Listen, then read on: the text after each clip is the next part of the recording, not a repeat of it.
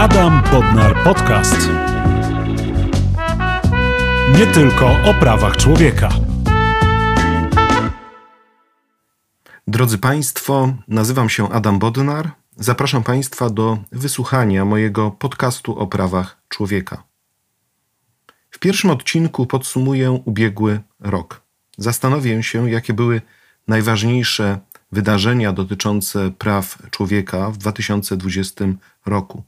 A był to rok niezwykły, jeśli chodzi o przestrzeganie praw człowieka oraz wydarzenia publiczne, które miały wpływ na interpretację teraźniejszości. Wydarzenia globalne miały wpływ na sytuację w Polsce, ale także krajowa debata oraz rozstrzygnięcia polityczne przyczyniały się do kształtowania rozumienia praw człowieka oraz sytuacji różnych grup społecznych. Warto zatrzymać się na chwilę i przypomnieć sobie najważniejsze momenty definiujące ubiegły rok. Choć pandemia, jak cień Wielkiej Góry, przysłoniła wszystko, co działo się w Polsce i w Europie, to jednak także inne wydarzenia miały swoje znaczenie. Przypomnijmy chronologicznie najważniejsze wydarzenia. Marsz Tysiąca Tuk. 11 stycznia 2020 roku w Warszawie odbył się Marsz Tysiąca Tuk. Uczestniczyli w nim przedstawiciele wszystkich zawodów prawniczych, a także sędziowie z praktycznie wszystkich państw członkowskich Unii Europejskiej. To był pierwszy tego typu marsz w historii Polski, akt dramatycznego sprzeciwu wobec niszczenia zasad niezależności sądownictwa oraz podważania członkostwa Polski w Unii Europejskiej. Natomiast marsz nie powstrzymał dalszych zmian w sądownictwie. Została przyjęta i weszła w życie tzw. Tak ustawa kagańcowa. Instytucjonalne zmiany w sądownictwie były kontynuowane, a rzecznicy dyscyplinarni sędziów podejmowali intensywne działania w stosunku do tych niepokornych dysydentów, niepokornych sędziów. Swoistą iskierką nadziei była bezprecedensowa uchwała trzech połączonych izb Sądu Najwyższego z 23 stycznia 2020 roku. Jednak nawet silny sprzeciw społeczeństwa obywatelskiego i zainteresowanie organizacji międzynarodowych nie powstrzymały aparatu władzy przed pozbawianiem immunitetu sędziowskiego oraz zawieszeniem trzech sędziów sądów powszechnych: sędziego Pawła Juszczyszyna, Beaty Morawiec oraz Igora Tulei. Optymizmu można szukać w tym, że w 2020 roku wielu sędziów w swoim orzecznictwie twardo i odważnie broniło praw i wolności obywatelskich i można mieć nadzieję, że postępowania, które toczą się aktualnie na poziomie europejskim w Luksemburgu, w Strasburgu, powstrzymają dalszą erozję obywatelskiego prawa do niezależnego sądu. Drugim istotnym wydarzeniem było przemówienie Mariana Turskiego w Auschwitz. 27 stycznia 2020 roku, z okazji 75-lecia wyzwolenia nazistowskiego obozu koncentracyjnego w Auschwitz-Birkenau, Marian Turski, jeden z ocalałych, wygłosił wielkie przemówienie. Takie przemówienie, które przeszło do historii. Przypomniał wszystkim, do czego może prowadzić nacjonalizm, ksenofobia i nietolerancja. Jego słowa, cytuję, jeśli będziecie obojętni, jakiś Auschwitz spadnie wam z nieba, będą tak mocno przez nas pamiętane jak słowa z mowy noblowskiej Olgi Tokarczuk. Będą nam przypominały o tym, dlaczego powinniśmy każdego dnia dbać o prawa człowieka, upominać się o osoby zapomniane, wykluczone czy dyskryminowane. Kiedy Marian Turski wygłaszał te słowa, nikt się nie spodziewał, jak dramatyczny, właśnie ze względu na użyte słowa w stosunku do osób LGBT, będzie miała kampania prezydencka. Swoistym postscriptum do słów Mariana Turskiego jest otwarta pod koniec roku wystawa w Żydowskim Instytucie Historycznym dotycząca warszawskiego getta pod tytułem Gdzie jesteś? Autorski projekt profesora Pawła Śpiewaka oraz doktora Piotra Rybsona stawia pytania o to, kim jesteśmy, gdy poznajemy siebie w sytuacji utraty niewinności, gdy rodzić się może pierwsze poczucie winy i kiedy możemy być bezradni wobec skali niewyobrażalnego zła. I można powiedzieć, że Marian Turski odpowiada na to jedenastym przykazaniem: nie bądź obojętny. Trzecie wydarzenie to oczywiście pandemia. Pandemia koronawirusa to jedno z najważniejszych wydarzeń od czasów II wojny światowej. Nigdy wcześniej państwa demokratyczne nie przechodziły kryzysu, który byłby tak dotkliwy dla więzi społecznych, gospodarczych i politycznych. W Polsce począwszy od marca 2020 roku wprowadzonych zostało szereg ograniczeń praw i wolności obywatelskich, dotyczących zwłaszcza wolności przemieszczania się, wolności organizowania pokojowych zgromadzeń, wolności sumienia i wyznania czy wolności działalności gospodarczej. Zakwestionowane zostały gwarancje niektórych praw socjalnych, zwłaszcza prawa do ochrony zdrowia, prawa do opieki społecznej oraz prawa do edukacji. Wiele osób straciło życie ze względu na błędy w organizacji systemu opieki zdrowotnej. I myślę, że rację ma Andrzej Stankiewicz, redaktor portalu onet.pl, który stwierdził, że nigdy wcześniej nasz los tak bardzo nie zależał od przypadku i kiedy już nie mogliśmy liczyć sposób bezpośredni i oczywisty na pomoc ze strony państwa. Pandemia stworzyła także przestrzeń do nadużyć władzy, nierówności wobec prawa oraz jego arbitralnego stosowania. I choć ostatnie dni niosą pewną nadzieję w związku z odkryciem i wprowadzeniem do użytku szczepionki, to jednak jeszcze przez wiele miesięcy i lat będziemy odczuwali skutki pandemii dla naszych praw. Czwarte wydarzenie, o którym chciałbym powiedzieć, to wybory prezydenckie z 10 maja 2020 roku. Pamiętajmy, że rząd podjął decyzję, aby w związku z pandemią nie wprowadzać stanu klęski żywiołowej. W związku z tym za wszelką cenę dążył do tego, aby zorganizować wybory prezydenckie 10 maja 2020 roku. Cały okres poprzedzający datę wyborów był przykładem lekceważenia zasad państwa prawa oraz reguł, którymi powinny się rządzić wybory w państwach demokratycznych. Wybory prezydenckie wyznaczone na 10 maja 20, 2020 roku po prostu się nie odbyły. Politycy kilka dni później zaczęli realizować plan polityczny kolejnych wyborów, ale z punktu widzenia standardów konstytucyjnych oraz demokratycznych, to właśnie data 10 maja 2020 nie powinna po prostu odejść w zapomnienie. Bo jeśli nie wyciągamy wniosków, także na poziomie indywidualnej odpowiedzialności z tak poważnych wydarzeń, to znaczy, że nie zależy nam na życiu w demokracji. Piąte wydarzenie to moim zdaniem obchody 40-lecia porozumień sierpniowych. 1 sierpnia 2020 roku w Gdańsku odbyły się obchody 40-lecia. Ważna rocznica, przypominająca, gdzie i kiedy rozpoczął się proces przemian demokratycznych w tej części świata, a także jak ważną rolę odegrał Lech Wałęsa. Jednak obchody te pokazały dwa istotne podziały w polskim społeczeństwie. Po pierwsze, podział przebiegający wzdłuż linii historycznej, który tak mocno zarysował się również w trakcie wyborów prezydenckich. Odwoływanie się do dwóch różnych tradycji, bohaterów przeszłości, ale także do dwóch różnych wizji przyszłej Polski i relacji z Unią Europejską. Ale ten drugi podział, myślę, że mniej dostrzegalny, przebiegał wzdłuż linii pokoleniowej. Obchody 40-lecia porozumień sierpniowych unaoczniły, że wspomnienia historyczne nie są tak ważne dla młodego pokolenia, są one czasami wręcz abstrakcyjne, a podziały polityczne niezrozumiałe. Ten brak zainteresowania młodego pokolenia miał wybrzmieć kilka miesięcy później w czasie protestów organizowanych po wyroku Trybunału Konstytucyjnego z 22 października 2020 roku.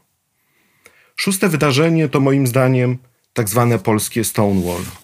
7 sierpnia po aresztowaniu Margo z kolektywu Stop Bzdurom doszło do spontanicznych demonstracji solidarnościowych w Warszawie. W nocy policja zatrzymała 48 osób, a następnie przetrzymywała je na posterunkach policji. Brutalność ze strony policji, bezzasadne zatrzymania, sposób traktowania osób na posterunkach, a także związana z tymi wydarzeniami nagonka na osoby LGBT została okrzyknięta mianem polskiego Stonewall w nawiązaniu do słynnych wydarzeń z Nowego Jorku. Jednak te wydarzenia stanowiły także swoistą kulminację narastającej przemocy słownej oraz fizycznej w stosunku do osób nieheteronormatywnych. Nie dość, że prezydent Andrzej Duda wykorzystywał homofobiczne wątki w kampanii prezydenckiej, to dodatkowo stały się one już po wyborach prezydenckich instrumentem gry o władzę w łonie Zjednoczonej Prawicy. Szczęśliwie grono sojuszników osób LGBT także rośnie.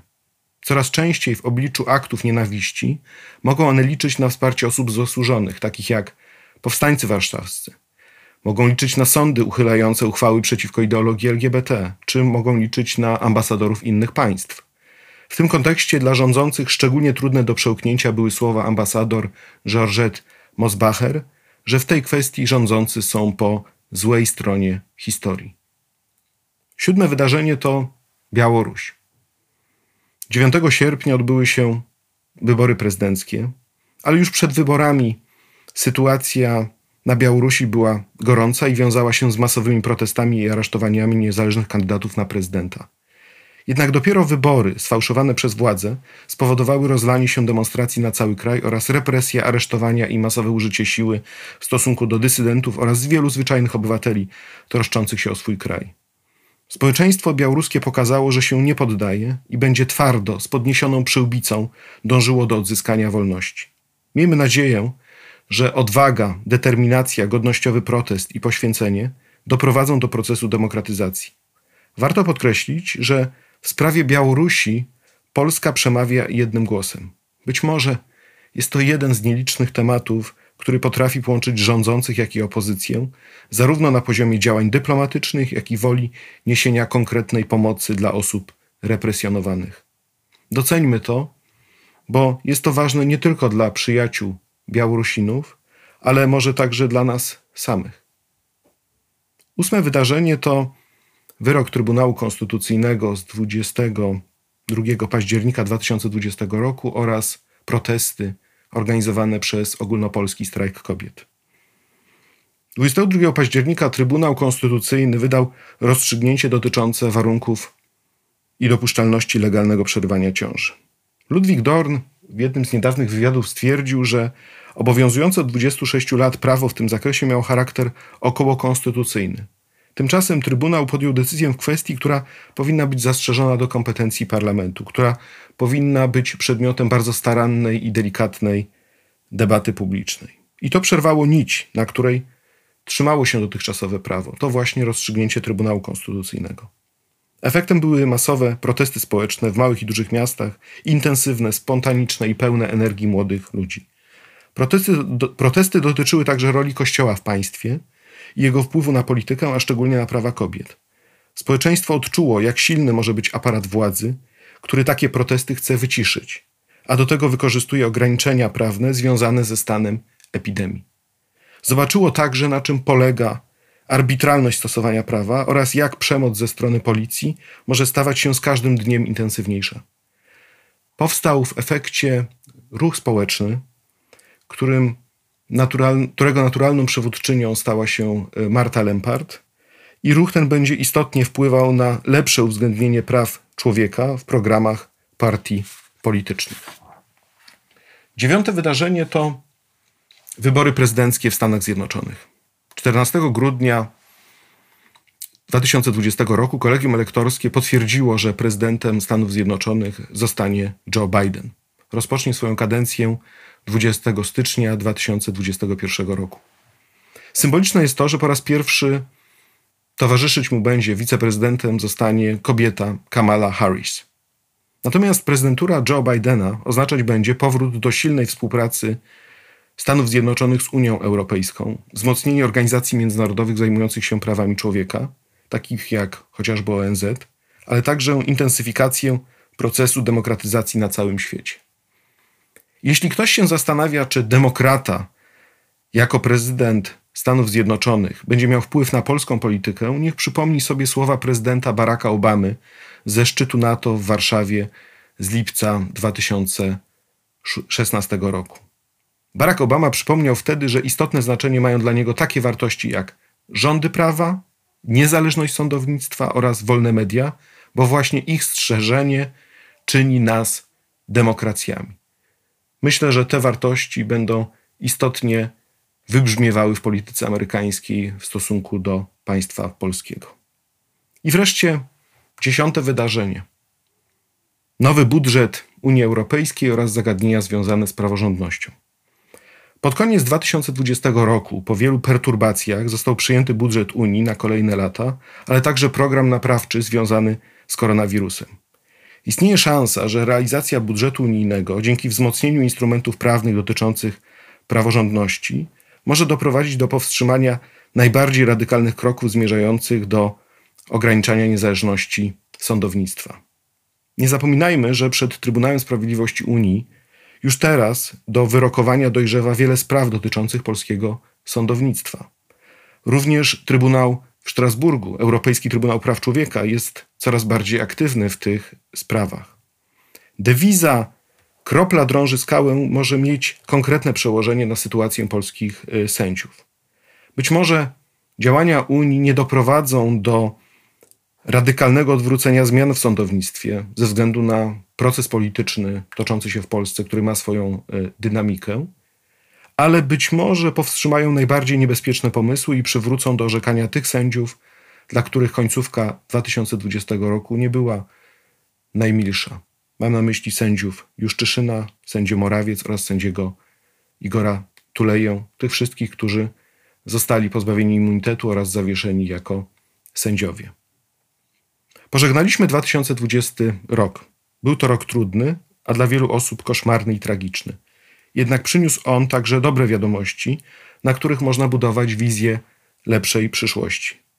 Wierzmy w to, że 2021 rok stanie się rokiem nadziei, odbudowy demokracji, wartości europejskich i racjonalności w życiu politycznym i społecznym. Dziękuję Państwu serdecznie za uwagę. Zapraszam do wysłuchania kolejnego odcinka, który będzie poświęcony zagadnieniom związanym z sądownictwem. Przedstawię w nim 10 najważniejszych wyroków sądów polskich dotyczących praw i wolności obywatelskich, które zostały wydane w 2020 roku.